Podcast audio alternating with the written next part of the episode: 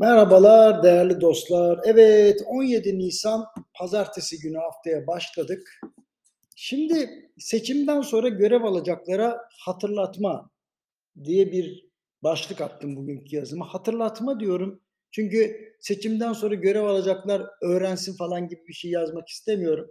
Mutlaka biliyorlardır ama bu siyaset bazen insanı körleştiriyor. Liderlerin yaptıklarını tamamını doğru olarak addeden arkadaşlarımız, dostlarımız oluyor.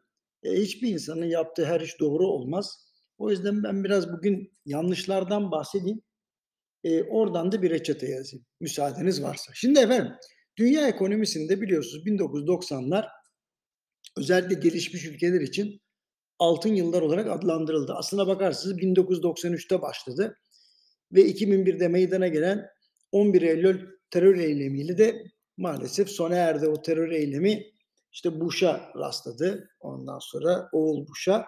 E, o zamana kadar iyi gidiyordu. E, Türkiye ekonomisi o dönemde çok ciddi dalgalanmalar gösterdi. Yani 1990 ile 2000 yılları arasında yani eksiler, artılar öyle acayip büyümeler yaşadı ki yani bunları altın yıllar diye tanımlamak imkansız. Bir kere 94 krizi var ve siyasi istikrarsızlıklar var. İşte hükümetler kuruluyor falan filan vesaire. Şimdi dünya 2008'e kadar ciddi bir toparlanmanın içine girdi sonra. E, Türkiye'de benzer şekilde doğru işleri yapmaya başladığı için e, 2001'de yaşadığı bankacılık krizine rağmen toparlandı. Enflasyon, büyüme, faiz, döviz kurları bağlamında sakin bir süreç yaşadı diyebilirim. Batıya dönük yüzü, adalet ve eşitlik için attığı adımlar küresel krize rağmen dayanmasını sağladı. Ha teğet geçti dedi bazıları küresel kriz Türkiye'ye. Yok geçmedi, çarptı. Ama e, kalıcı hasar bırakmadı e, diyebilirim. Şimdi gayet iyi hatırlıyorum. İşler iyi gidiyordu. E, 2011 yılından itibaren siyasette bir gerginlik başladı. Yani artık sokağa kadar yansımıştı. Ben de e, yani bunu hissediyordum herkes gibi. E, ta ki e, 2013 yılındaki Gezi Parkı eylemlerine kadar e, fazla su yüzüne çıkmadı ama gerginlik sonunda zirve yaptı.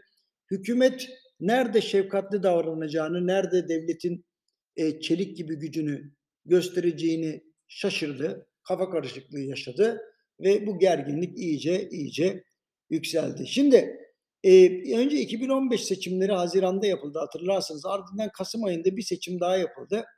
E, bu esnada iktidar partisi içinde ciddi tartışmalar çıktı. Siyasi süreç e, oldukça yıpratıcı bir şekilde devam etti. Siyasi sistem ile ilgili tartışmalar ve anayasa değişiklikleri de gündeme oturdu. Şimdi o süreçte TL'nin değer kaybı beklendiği kadar olmadı. Neden? Çünkü hakikaten işte yüzünü batıya dönüktü vesaire Türkiye'nin yani piyasalara sürekli müdahale etmek gibi bir yaklaşım yoktu. O yüzden o kadar ciddi bir artış olmadı. Ancak en başından beri gizli ajandasını uygulamak için hazırlık yapanlar işte hükümetin ve siyasetin giderek sertleşmesini fırsat bilerek hain planlarını ortaya koymaya karar verdiler. Belki de Cumhuriyetimizin atlattığı en önemli badirelerden biri olan 15 Temmuz 2016 şu an yaşadığımız e, yani ekonomik ve siyasal zorlukların en önemli kilometre taşı oldu diyebilirim. Yani Türkiye bir daha sakin dönem yaşayamadı hem güvensizlik hem de güvenlikçi yaklaşım kol kola gezdi işte işte beka sorunu bilmem ne falan.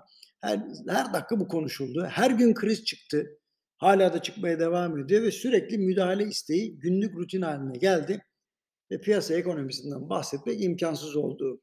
2018 ve 2019'da yaşanan ekonomik zorluklar da benzer şekilde piyasa ekonomisinden kopma sebebiyle gerçekleşti ve ardından gelen 2020 pandemisi Türkiye'yi her bakımdan hazırlıksız yakaladı. Sonra ortaya çıkan Rusya-Ukrayna bunalımı yaşananlara katkı yaptı. Şimdi tüm bunlardan neyi çıkarabiliriz? Ben size sıralayayım. Bir kere Türkiye küresel krizlerden birebir etkileniyor. Artık bunu kabul etmek lazım. Piyasa ekonomisinden çıkıldığında küresel krizlerin yan etkisi daha da büyüyor. Onu anlamak lazım. Ee, yani e, şöyle diyeyim size gergin siyaset ortamı belki oy kazandırıyor ama memlekete çok şey kaybettiriyor. Dolayısıyla seçimden sonra sakinleşmek gerekiyor. Onu bir anlamak lazım.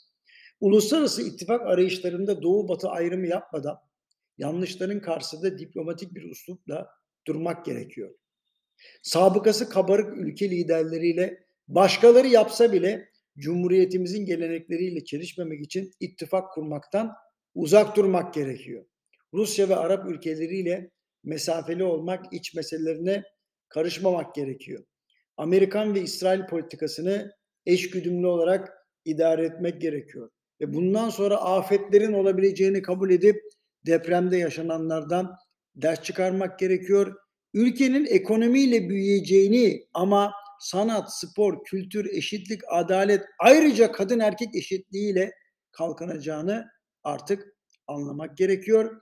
Vicdanlı vatandaşı inancından değil, insanlığından ölçmenin daha doğru olduğunun anlaşılması gerekiyor. Alınan olursa kusura bakmasın. Siyaset içindeki dostlar kurum körlüğü yaşıyor olabilir diye hatırlatayım dedim. İktidar ve muhalefetteki tanıdıklarımıza küçük bir reçete yazalım dedik efendim. Hepinize hoşçakalın diyor.